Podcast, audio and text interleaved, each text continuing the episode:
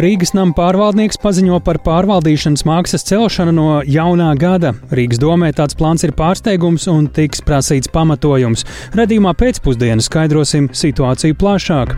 Ilgušā kara un graudu eksporta ierobežojuma dēļ šī gada rāžas laiks īpaši sarežģīts Ukraiņas lauksaimniekiem. Kādi risinājumi tiek apsvērti viņu atbalstam? 2026. gada Ziemas Olimpiskās spēles būs Itālijā, taču šodien paziņots, ka bobslējā, skeletonā un kamaniņu sportā sacensības notiks ārpus Itālijas. Kāpēc Itāļi neuzņems Renes sporta veidus savās mājās? Par to visu plašāk raidījumā pēcpusdiena kopā ar mani Tāli Eipuru.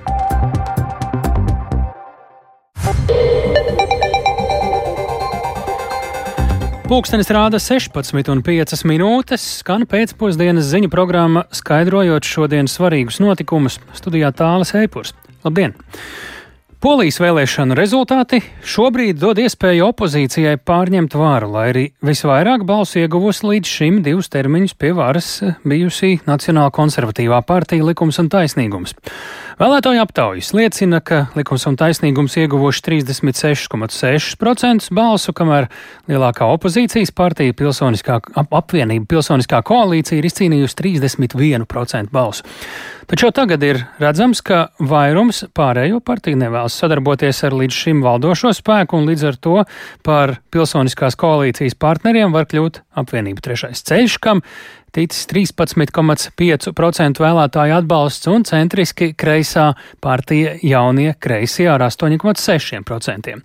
Šāds sadalījums dotu valdības veidošanai nepieciešamo vairākumu, un oficiālie vēlēšana rezultāti gan vēl visticamāk gaidām rīt pusdienu laikā, jo vēlēšanās bijusi arī ļoti liela aktivitāte. Tas nozīmē, ir nodots daudz balsu.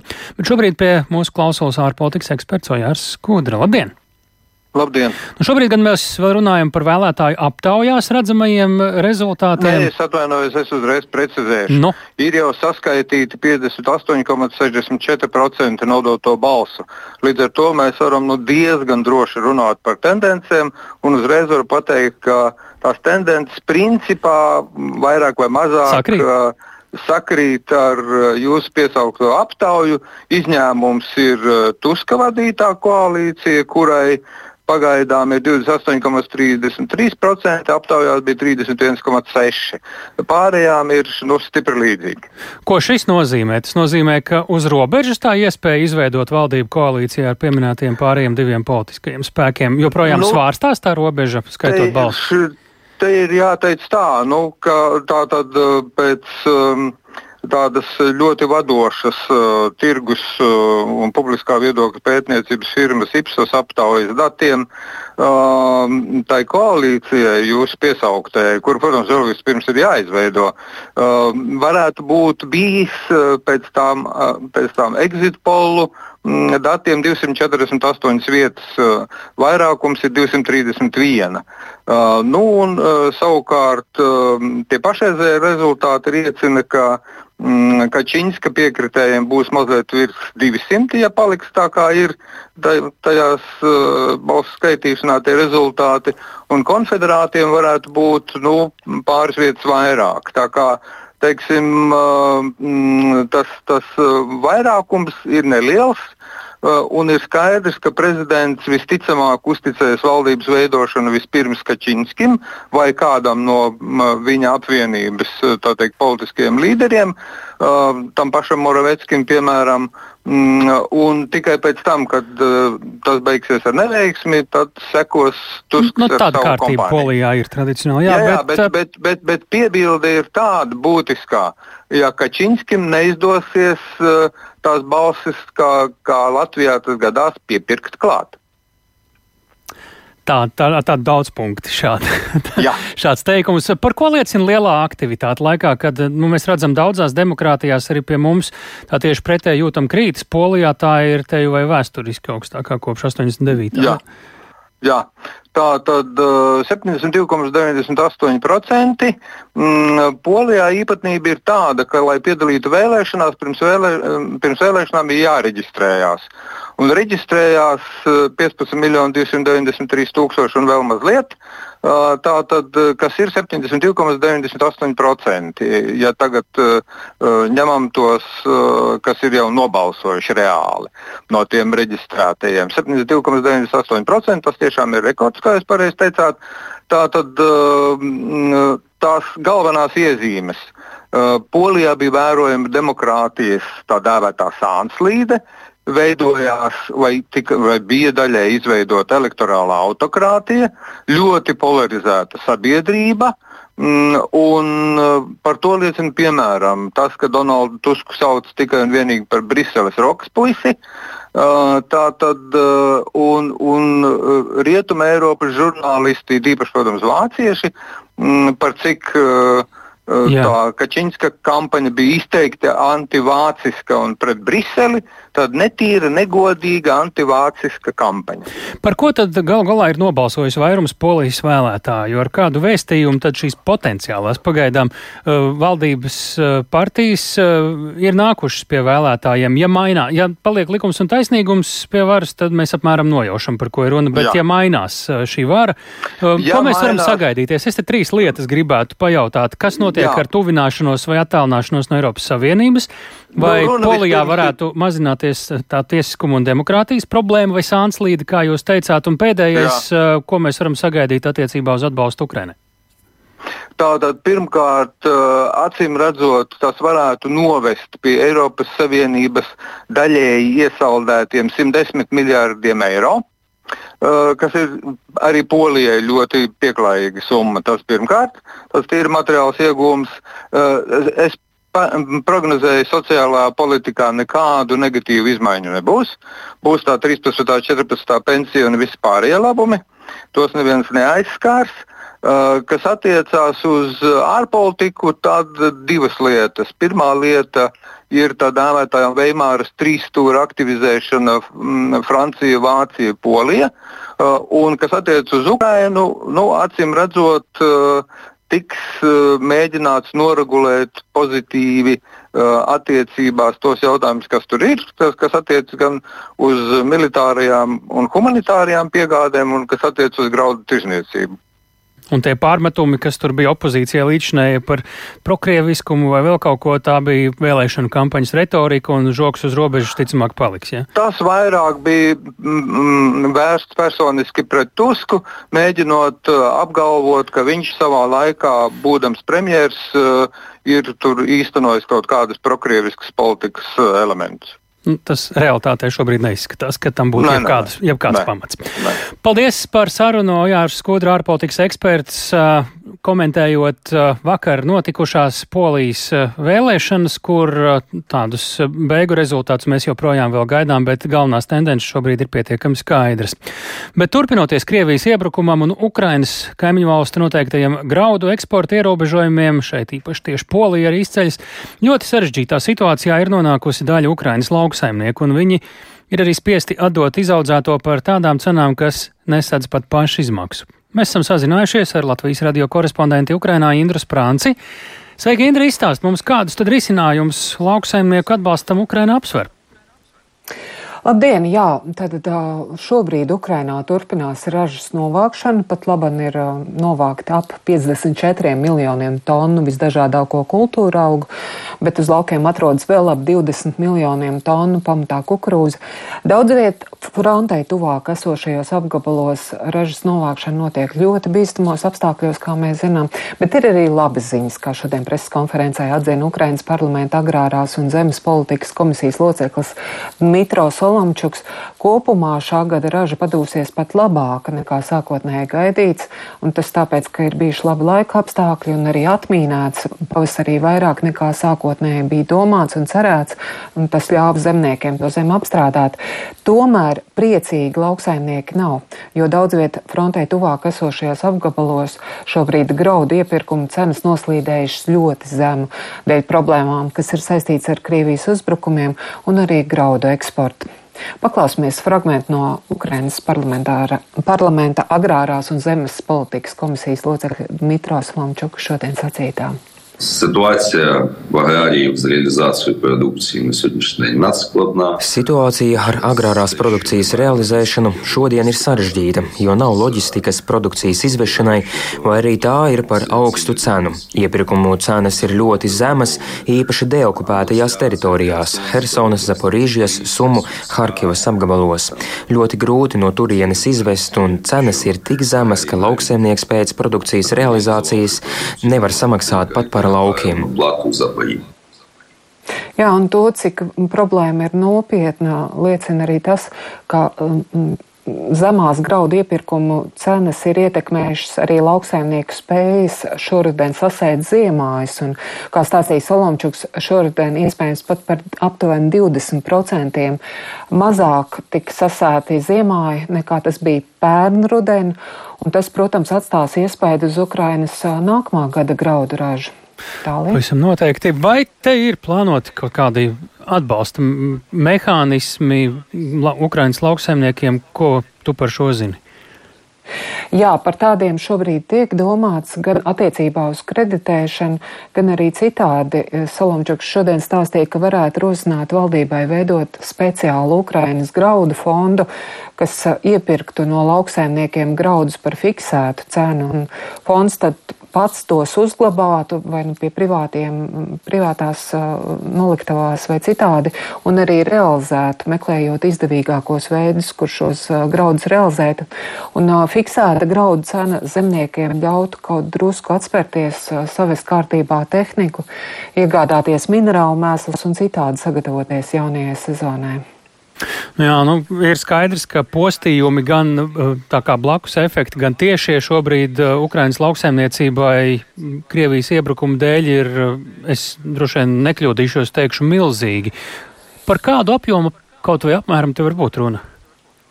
Nu, tādi precīzi aprēķini joprojām nav zināmi, ir publiski lēsti atsevišķi objektie, atsevišķiem objektiem nodarītie postījumi, piemēram, iznīcinātās fermas um, teritorijās, kas bija okupācijā, vai arī, piemēram, ir zinām, ka Hovkas dambja pāraušanas rezultātā dabai un cilvēkiem nodarītie postījumi aptuveni, kas, kas arī ir milzīgi. Paklausīsimies um, tātad agrārās un zemes politikas komisijas locekli Mitro Solomčuku skaidroto par šo jautājumu. Весь розмір збитків аграріїв з початку війни. То... Lai aprēķinātu visu lauksaimniecībai nodarīto postījumu kopš kara sākuma, tad es nezinu, laikam kalkulatoram ciparu pietrūktu. Arī to aprēķināt ir grūti. Kā minimums 30 līdz 40 miljārdi dolāru. Tie ir aptuveni iespējamie skaitļi. Precīzi ir grūti aprēķināt, jo simtiem tūkstoši hektāri zemes ir mīnēti, ir iznīcinātas noliktavas un tehnika, ražas, kuras vajadzēja novākt, bet netika novāktas novāktas.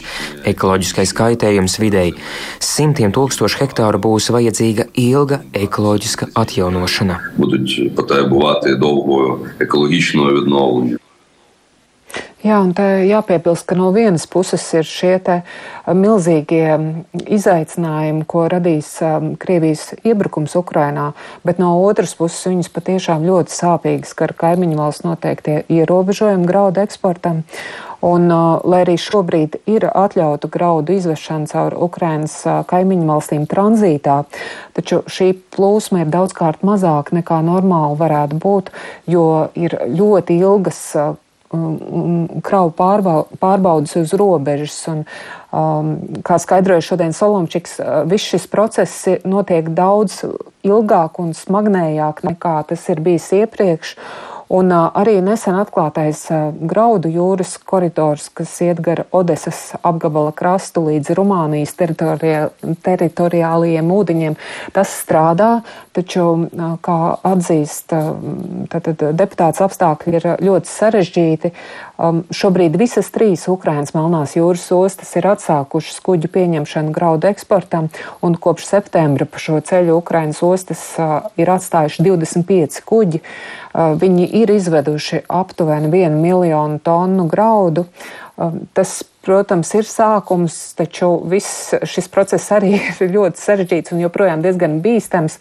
Un uh, Ukraiņiem ir cerības tomēr, ka ar laiku šo, šīs problēmas varētu atrisināt un šādā veidā mhm. no, no Ukrainas izvest daudz vairāk kravu un, un, un tas būtu veids, kā risināt šo problēmu ar graudu eksportu kopumā. Jā, arī caur Latviju tagad uh, tranzīta uh, ceļi tiek iemēģināti. Šajā gadījumā te ir apsis pavisam nesen no Ukrainas ir nonācis pa dzelzceļu caur Kaunu, bet eh, sakām paldies tik tālu Indrai Sprancei, ziņojot par lauksaimnieku situāciju šobrīd Ukrainā. Nu, mēs pievēršamies notikumiem atpakaļ šeit Latvijā. Skolas un bērnu dārzi šorīt atkal savos ēpastos saņēmuši draudu vēstules, un teksts bijis citādāks nekā iepriekš, bet saturs tikpat vardarbīgs kā iepriekš. Valsts policija pēc vēstules izvērtēšanas ir secinājusi, ka fiziska apdraudējuma nav, un iestādes var turpināt darbu. Taču par spīti pat vairāk kārtējiem aicinājumiem nesatraukties, daudz viet bērni un vecāki tomēr uztraucas par notiekošo. Kā rīkoties vecākiem, kā mierināt sevi, bērnus, kā skaidrot situāciju un ko galu galā darīt ar izglītības iestādēm par visu plašāk Agnijas Lazdiņas ierakstām. Zvans uz stundām skolā šodien skan kā ierasts, un ārēji manīt neko nevar, taču jau atkārtoti šonakt izglītības iestādes savos ēpastos saņēma draudu vēstules. Pēc to atkārtotu saņemšanas valsts policija ir informējusi skolas un bērnu dārzus par tālāko rīcības plānu, tāpat aicinot iedzīvotājus sekot policijas norādēm, saglabāt mieru un neļauties panikai. Rīgas valsts trešās ģimnāzijas direktors Andris Priekulis stāsta, ka primāri skola rīkojas atbilstoši valsts policijas instrukcijām. E-klases sistēmā mēs, protams, arī informējām vecākus, un vēl nākamā reakcija ir tāda, ka mēs lūdzām klases audzinātājiem pārunāt ar skolniekiem klases stundās, un es pats esmu arī klases audzinātais, es pārunāju, skaidrojot šo ārējos riskus, jeb ārējos kiberuzbrukums, skaidrojot un mēģinot, nu, izprast, lai skolnieki kritiski domātu un nereaģētu. Sazinās ar valsts policiju un informē vecākus arī Ikšķilas vidusskola, kas stāsta skolas direktora pienākumu izpildītāju Solvita Zirne. Skolēniem jautājumi par notiekošo ir, taču lielu satraukumu vai bažas skolēnu vidū nav nācies novērot. Mēs esam pārunājuši drošības noteikumus, esam arī pedagogiem izsūtījuši certe ieteiktos materiālus, ja tiek saņemts draudētas, tiks ir notikusi arī vadības sanāksme, un arī mums visu pagājušo nedēļu notika skolas vecāku sapulces, un esam arī pieņēmuši lēmumu kopā ar skolas vecāku padomi, ka skolā šobrīd, ja bērni ir aizmirsuši mājās kādu lietu vai mantu, ka tā netiek vairs ienesta. Un katru dienu mums skolā dežūrē pašvaldības policists, kas nepārtraukti staigā un skatās un vēro drošību skolā. Rīgas 25. vidusskolas psiholoģe Sanita Paula skaidro, ka šādas situācijas ir viens no veidiem, kā ietekmēt lielas cilvēku masas, kur vājākais punkts ir bērni, jo tie var būt psiholoģiski vai emocionāli jūtīgāki. Tāpēc skolām ir svarīgi sagatavot atbalsta personālu, savukārt vecākiem noskaidrot, kā skolās notiek informācijas apmaiņa ar vecākiem. Nu, pirmām kārtām jau mājās noteikti arī vajadzētu pārunāt šos te jautājumus, ka tādas situācijas var būt, saglabāt mieru un bērniem arī mācīt to, ka, ja skolā ir tāda situācija, tad noteikti ievērot visas norādes, eh, censties netaisīt paniku, ja saglabāt uh, maksimāli mieru, cik tas ir iespējams tādos apstākļos. Un skolās, protams, ir arī šī rīcības schēma, kā rīkoties ārkārtas situācijās. Arī vecāka organizācijas mamām un tētiem vadītāja Inga Akmentiņa Smildziņa uzsver, ka ir svarīgi bērnus uzklausīt. Vecākiem nav jāzina atbildes uz visiem jautājumiem, tāpēc informācija uzticamos avotos ar bērnu var meklēt arī kopā. Būtiski arī pašiem vecākiem pajust, kā tad es pats par to jūtos. Varbūt tās bailes ir manī, un tad bērns to visu tā kā kopē. Saprast arī pašiem, ko es zinu par šādām situācijām, vai es eh, pats izprotu, kāpēc tiek sūtīts, ko nozīmē zema riska vai augsta riska draudi, kā ir jārīkojas, piemēram, es kā vecāks saņem draudu vēstuli un kā noteikti nav jārīkojas. Šonakt draudu ēpasti izsūtīti vairāk nekā 300 adresēm. Tā Latvijas televīzijā uzsvēra valsts policijas priekšnieks Armand Jānis Ruks. Kā norāda iekšlietu ministrs Rihards Kozlovskis no jaunās vienotības, mēs dzīvojam hibrīdkara situācijā un tas ir jāapzinās. Viņš informē, ka šāda veida vēstules saņemot arī iestādes un organizācijas Lietuvā, Igaunijā un Polijā. Tāpēc tiesības sargājošo iestāžu darbinieki sadarbojas, lai atklātu šos noziegumus, taču sākotnējā informācija liecina, ka sūtītāji nebūs viegli izsekojami. Pašlaik tie ir tiešām zemi riska draudi. Es paļaujos uz valsts policijas un valsts drošības dienas analīzi. Tas ir arī vienīgais avots, no kura var tikt pieņemt kaut kādu lēmumu. Tas ir mērķis destabilizēt šo situāciju, atkal izraisīt jaunu tādu satraukuma vilni. Aicinu uz to nepaļauties. Te pašā laikā nu, jā, mums ir jādzīvo situācijā, kurā mums jābūt modriem. Valsts policijas rīcībā esošā informācija liecina, ka identiska satura draudu e-pasti šodien izplatīti arī citām Latvijas iestādēm, tajā skaitā tiesām un pašvaldībām. Policija ir saziņā arī ar šīm iestādēm. Agnija Lazdiņa, Latvijas radio. Tik tālu par draudu vēstulēm skolām, bet latviešu valoda kaut gan tā kā vienīga, tās kā vienīgās valsts valodas status noteikts Latvijas Republikas pamatlikumā, joprojām svarīga ir latviešu valodas reālā stiprināšana. Sabiedrībā gan likumos, gan zinātnē un izglītībā, arī digitālajā vidē un ikviena iedzīvotāja ikdienā. Par to šodien diskutē konferencē Latviešu valoda, valstiskuma nostiprināšanas izaugsmes un sadarbības valoda. Konferences gaitā ir sako līdz kolēģi Zanēniņa. Sveiki, Zane! Uh, nu, tā kā mēs te sēžam sabiedriskajā medijā, un šobrīd sabiedrībā ir aktīva diskusija par valodas lietojumu tieši Latvijas sabiedriskajos medijos, kādā gaismā un leņķī un vispār vai šis jautājums parādījās. Nu, tur nevarētu neparādīties pēc satura spriežot. Protams, protams, un, un vairākās runās un uzstāšanās, jo tieši sabiedriskie mēdīji, respektīvi mēs, Latvijas radio un arī Latvijas televīzija, konferencē tika apspriesta kā viena no problemātiskajām vietām publiskajā telpā. Šādā kontekstā diskusija par latviešu valodas kā vienīgās valsts valodas lomu kļūs aktuāla saistībā ar Nacionālo drošības koncepciju, kurā paredzēts no 2028. gada atteikties no Krievu valodas sabiedriskajos mēdījos, pret to iebilst paši plaši sabiedriskie mediji, jo situācijā, kad Krievija īsteno ne tikai fizisku karu Ukrainā, bet arī daudz plašāku mērogu informatīvo karu, agresoru valsts propagandai un meliem nepieciešams pretspars Krievu publikai saprotamā valodā. Konferencē turpretī dominēja viedoklis, ka tā turpināt sabiedriskajos, me, eh, ka turpināt sabiedriskajos medijos raidīt arī krieviski nozīmētu turpināt šķelt sabiedrību. Paklausīsimies, kā par šo jautājumu izteicās bijušais valsts prezidents Egils Levits. Valsts finansētie sabiedriskie mēdīji, ja viņi turpina arī šo divvalodību, tas tikai turpina šķelt mūsu sabiedrību. Un tādēļ es,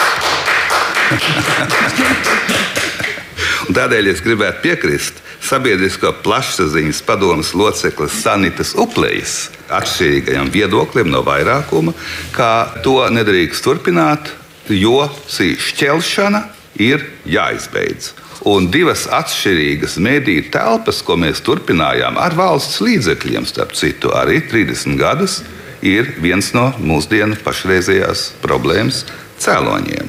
Jo šīs telpas nav identiskas. Tas nav vienkārši mehānisks Google pārtulkojums Krievijas valodā. Tur ir cits saturs ar citiem uzsvariem.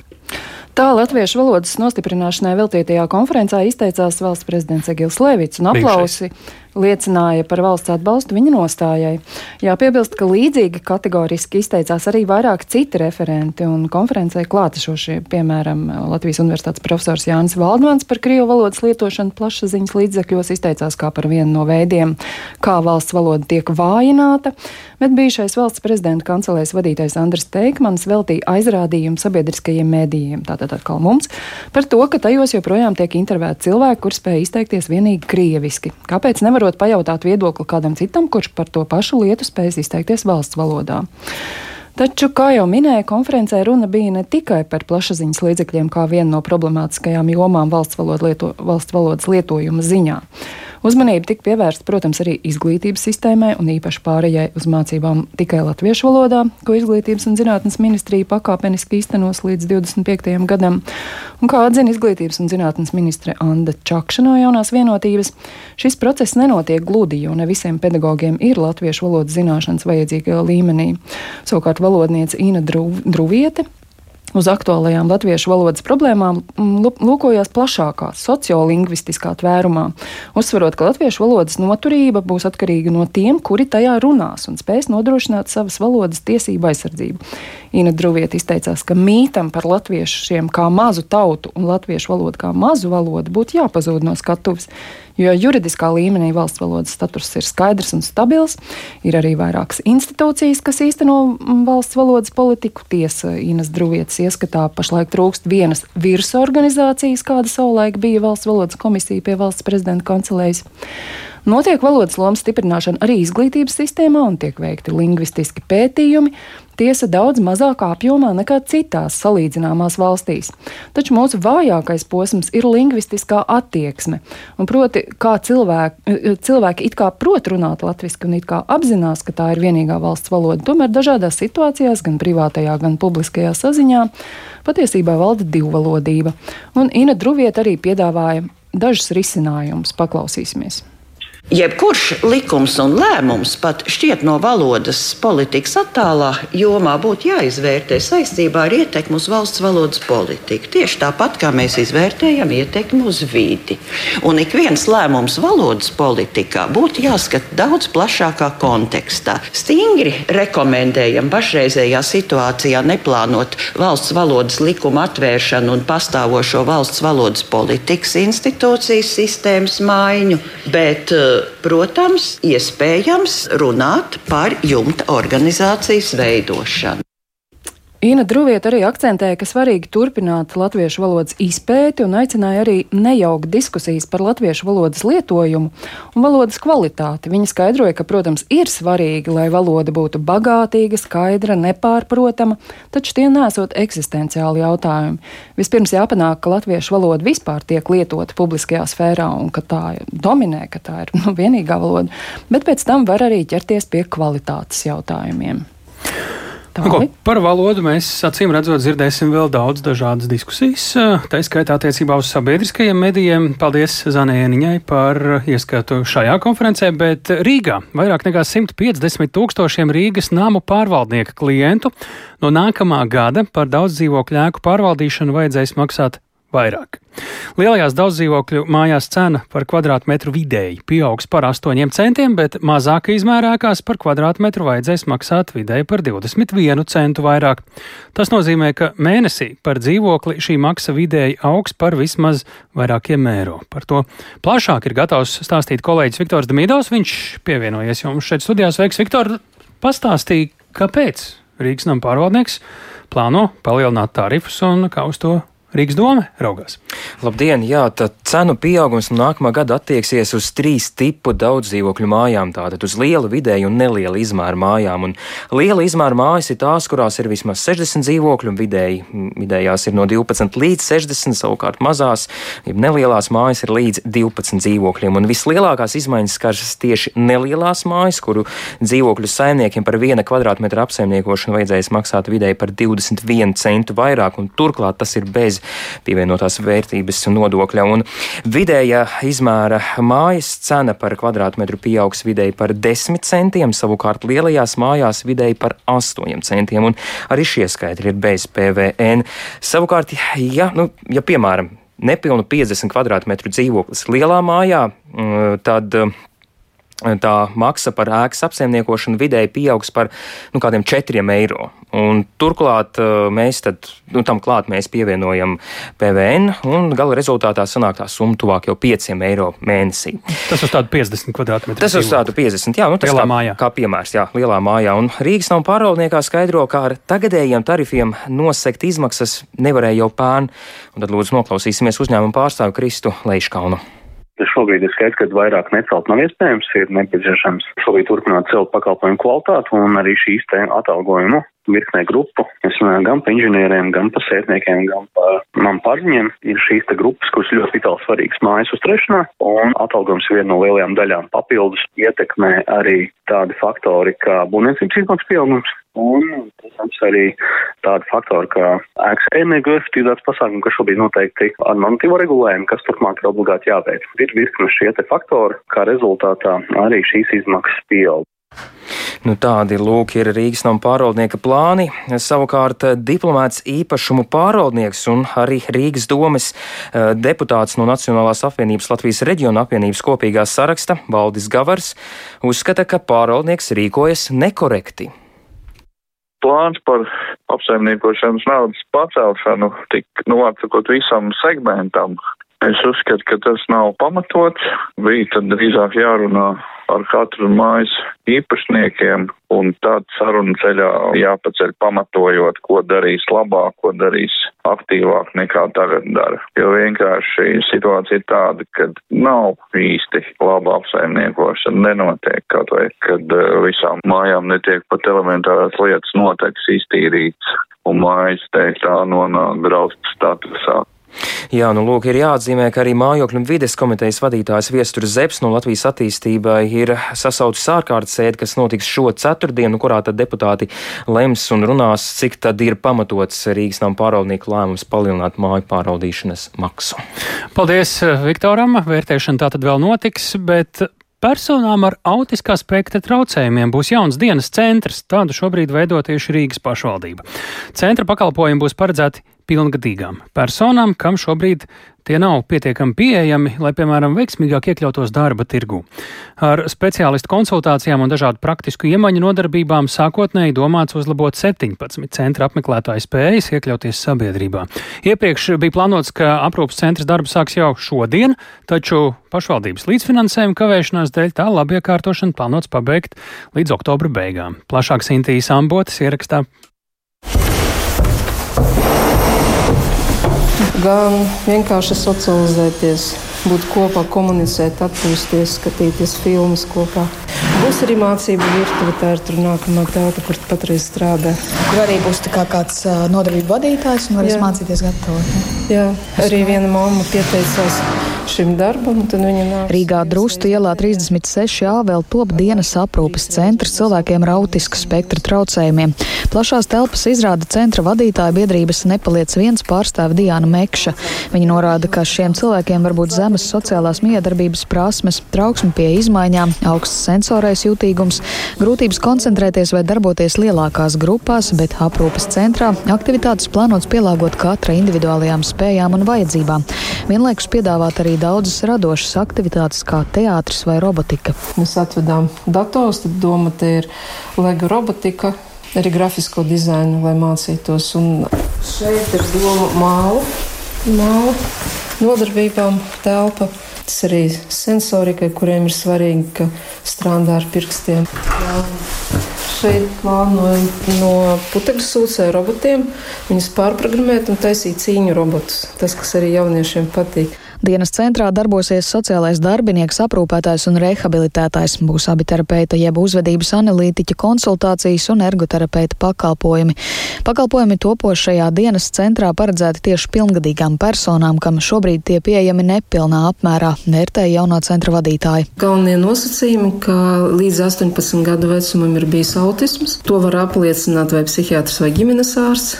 Mūsu valstī ir, diemžēl, speciālistu trūkums un nav kas arī diagnosticē tieši pieaugušo autismu. Un pēc 18 gadiem sanāk, ka cilvēkam vairs nav tiesības uz savu diagnozi. Mēs tagad gaidām arī klientus, mums nav vēl visi. Cik no, daudz vietu ir? Vietu mums kopā būtu 17, plus vēl 5 tādi, kuri, ja kāds neatnāk, tad tie cilvēki var atnākt un būt šeit. Un patreiz mums ir tikai 11, jā, tad vēl ir 6 vietas. Un arī gribās veidot tādu kā kopienu, lai arī vecāki šeit labi jūtas, lai viņi arī ir līdzdarbīgi tajā, kas šeit notiek. Diana Mekša norāda, ka ar laiku iespējams uzņems vairāk apmeklētāju, jo biedrība šobrīd Āgenskalnā nodrošina dienas centru arī bērniem ar autisku spektra traucējumiem, ko gada laikā apmeklē ap 180 bērnu, un pakalpojums sniedzēja secinājuši, ka nav pēctecības. Nākotnē plānots veidot arī īpašas apmācību grupas jauniešiem, lai gatavotu viņus darba tirgumu un pastāvīgai dzīvei kopumā.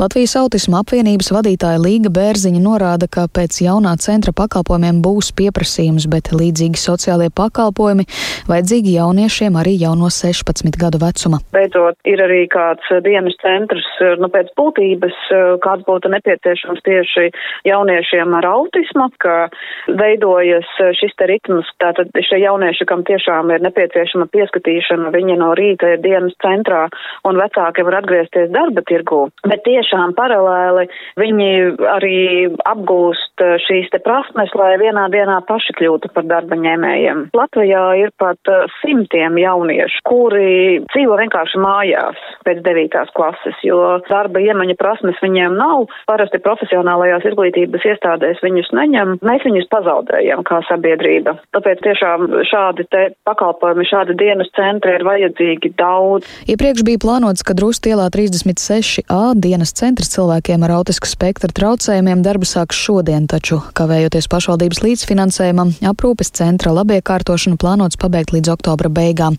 Savukārt centra atklāšana paredzēta 6. novembrī. Sinti Ambote, Latvijas radio.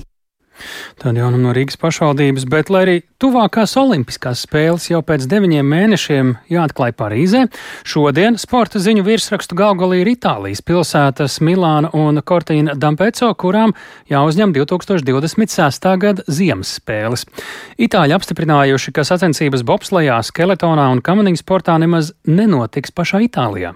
Tas rada nebijušu precedentu līdz šim Ziemas Olimpisko spēļu vēsturē un raisa arī daudz jautājumu. Un plašāk par šo tēmu mēs sarunāsimies ar kolēģi Māri Bērgu. Sveiks, Māri! Kāpēc tad itāļi, kuri, nu, viņiem taču pašiem ir bijušas tādas trases līdz šim ziemas trases un pat neviena viena ir izdomājuši savās mājās tomēr neuzņemt trenis sporta veidu sacensības, turklāt vēl Olimpiskajās spēlēs. Viņiem jau taču ir diezgan sena vēsture, pat pašiem labi sportisti bijuši pasaules līmeņa. Sveiks, tālāk, sveicināt klausītāji. Pilnīgi pareizi tu visu šīs lietas nosaucēji. Itālijas piedāvājums, piesakoties Olimpiskajām spēlēm, paredzēja Renes sporta veidu tātad aizvadīt Cortīnā. Šajā trasē notika 1958. gada Olimpiskās spēles un bija plāns rekonstruēt veco trasi, taču, kā ziņo Itāļu sabiedriskais medijas, projekta izmaksas ir būtiski pieaugušas, un pret to ir protestējuši arī vietējie iedzīvotāji, norādot, ka naudu labāk ieguldīt dažādās sabiedriskajās ēkās un citos projektos, nevis trasē Olimpiskajām spēlēm. Par precedentiem runājot, tā būs pirmā reize vairāk nekā simtgadus ilgajā ziemas spēļu vēsturē, kad kādas no sacensībām nenotiks rīkotāju valstī. Vasaras spēlēs tā ir gadījies divreiz, pēdējo reizi tas notika 1958. gadā, kad karantīnas dēļ jāšanas sacensības nevarēja notikt Austrālijā. Kortīnā pēdējos gados vairāk kārt viesojies pieredzes bagātais latviešu sporta žurnālists Dainis Caune, kurš sarunā ar Latvijas radio pastāstīja, kā tad izskatās trases teritorijā tagad tagad, rudenī, domājot par Olimpiskajām spēlēm, kuras tur nemaz nenotiks. Klausāmies Dainu Cauni. Ja iztīrītu no ķiekuriem un no piektušiem zariem, tad teorētiski viņi varētu arī nobraukt. Tas bija pirms četriem gadiem. Un tad es katru gadu vēl piebraucu klāt un apskatījos, kā tur īsti ir. Vienīgā izmaiņa ir tā, ka tur bija parādījies plakāts, ka šī ir olimpiskā trase tagad. Nekas tajā trasē nemainījās. Līdz šajā rudenī, septembrī, tur jau bija diezgan jūtamas izmaiņas. Trase daļēji bija nojaukta, apkārt bija tāds um, vienkāršs plasmas žoks, vairākas virāžas vēl bija palikušas, un plakāts bija mainījies. Nebija vairs rakstīts, ka šeit notiks Olimpiskās spēles, bet bija rakstīts, ka Zemes departaments ir nolēmis šo trasi atjaunot starptautiskām bobsleja, skeletonu un kamiņu sporta sacīkstēm. Bet tas arī bija viss. Tur nekā darba vairāk nenotika, nebija nekāda tehnika redzama un, protams, arī neviens strādnieks. Tālūk sporta žurnālists Dainis Caune par to, kā šoruden izskatījās vietā, kur bija jāatrodas Kortīnas Olimpisko spēļu trasē. Jā, šīs eh, nebūs pirmās Ziemas Olimpiskās spēles Itālijā. Mēs vēl samērā nesen, 2006. gadā, nu cik nu samērā, bet tomēr uh, Turīnā uh, pieredzējām Olimpiskās spēles. Pats vēl es atceros intervēju Mārtiņu Rubeni Olimpiskajā Čezānas trasē. Tā arī šobrīd nav apritē, uh, un savas trases Itāļiem vēl nesen bija. Jo, tad tā pieredze ar ledus trasēm ir punkts tur pielikts. Tā izskatās, jā, jo Kortīnas vecā trase tātad tika slēgta 2008. gadā, un kā jau minēja, Čezānas trase tika uzbūvēta Turīnas spēlēm. Tā vēl kādu laiku pēc spēlēm palika apritē, tomēr ekonomiskā krīze, augstās uzturēšanas izmaksas un arī savstarpējie konflikti nozīmēja to, ka aptuveni 2012. un 2013. gadā šī trase arī pārtrauca savu darbību tāli. Nu jā, mēs atceramies diezgan daudz dažādas bildes iz vēstures, kur bijušie iespaidīgi olimpiski objekti ir visai bēdīgā stāvoklī, Sarajevas olimpiskā trase un tā tālāk, bet eh, mums maz laika atlicis. Kāds tad ir itāļu plāns, kur šīs sacensības 2026. gadā varētu notikt? Jā, nu iepriekš izskanēja ziņas par interesi par iespējām uzņemt 2026. gada sacensības trenes sporta veidos Īglesas trasē Austrijā. Tad austrieši vēlējās šīs sacensības redzēt pie sevis. Kā zinām, Īgls ir viena no vienkāršākajām un arī īsākajām trasēm šo sporta veidu kalendārā, taču šī trase katru gadu strādā un tur nekas no jauna nav jāuzbūvē. Relatīvi tuvu, teiksim, Milānas un Kortīnas spēļu norises vietā ir arī Sankt Mauricas trase Šveicē un arī Laplaņa viņa Francijā. Teorētiski arī šīs vietas varētu uzņemt eh, Renes sporta veidu sacensības, bet eh, tas galīgais risinājums eh, šobrīd tiks meklēts sadarbībā ar Startautisko olimpisko komiteju visām iesaistītajām pusēm, meklējot, ko tad tagad darīt. Nu jā, paldies, Māri. Tik tālu tad par Itālijas plānu maiņu. Šeit jāsaka tā, ka tas ir bezprecedenta gadījums. Tā līdz šim nekad nav bijis, ka sākumā neviens nezina nemaz, ka vēl kādā citā valstī varētu kādas olimpiskās norises ritēt. Nu, atšķirībā, piemēram, no Latvijas un Zviedrijas stāsta, kas jau mēģināja vienreiz un izskatās, ka varētu vēlreiz mēģināt jau priekšā, priekšlaikus teikt, ka Bobsleja, kamaniņu un skeletonu sacensības varētu notikt citā valstī, šajā gadījumā Zviedrijas pieteikuma gadījumā Latvijā. Bet šis bija ziņu raidījums pēcpusdienā, to veidoja tāls Eipurs, Ilza Agīnta, arī Renārs Šteimanis un Ernests Valts Fjodorovs. Ja vēlties šo raidījumu klausīties vēlreiz savērtā laikā vai dalīties ar citiem, ņemiet talkā Latvijas radio mobilo lietotni vai lielākās raidierakstu platformas. Tiekamies rīt!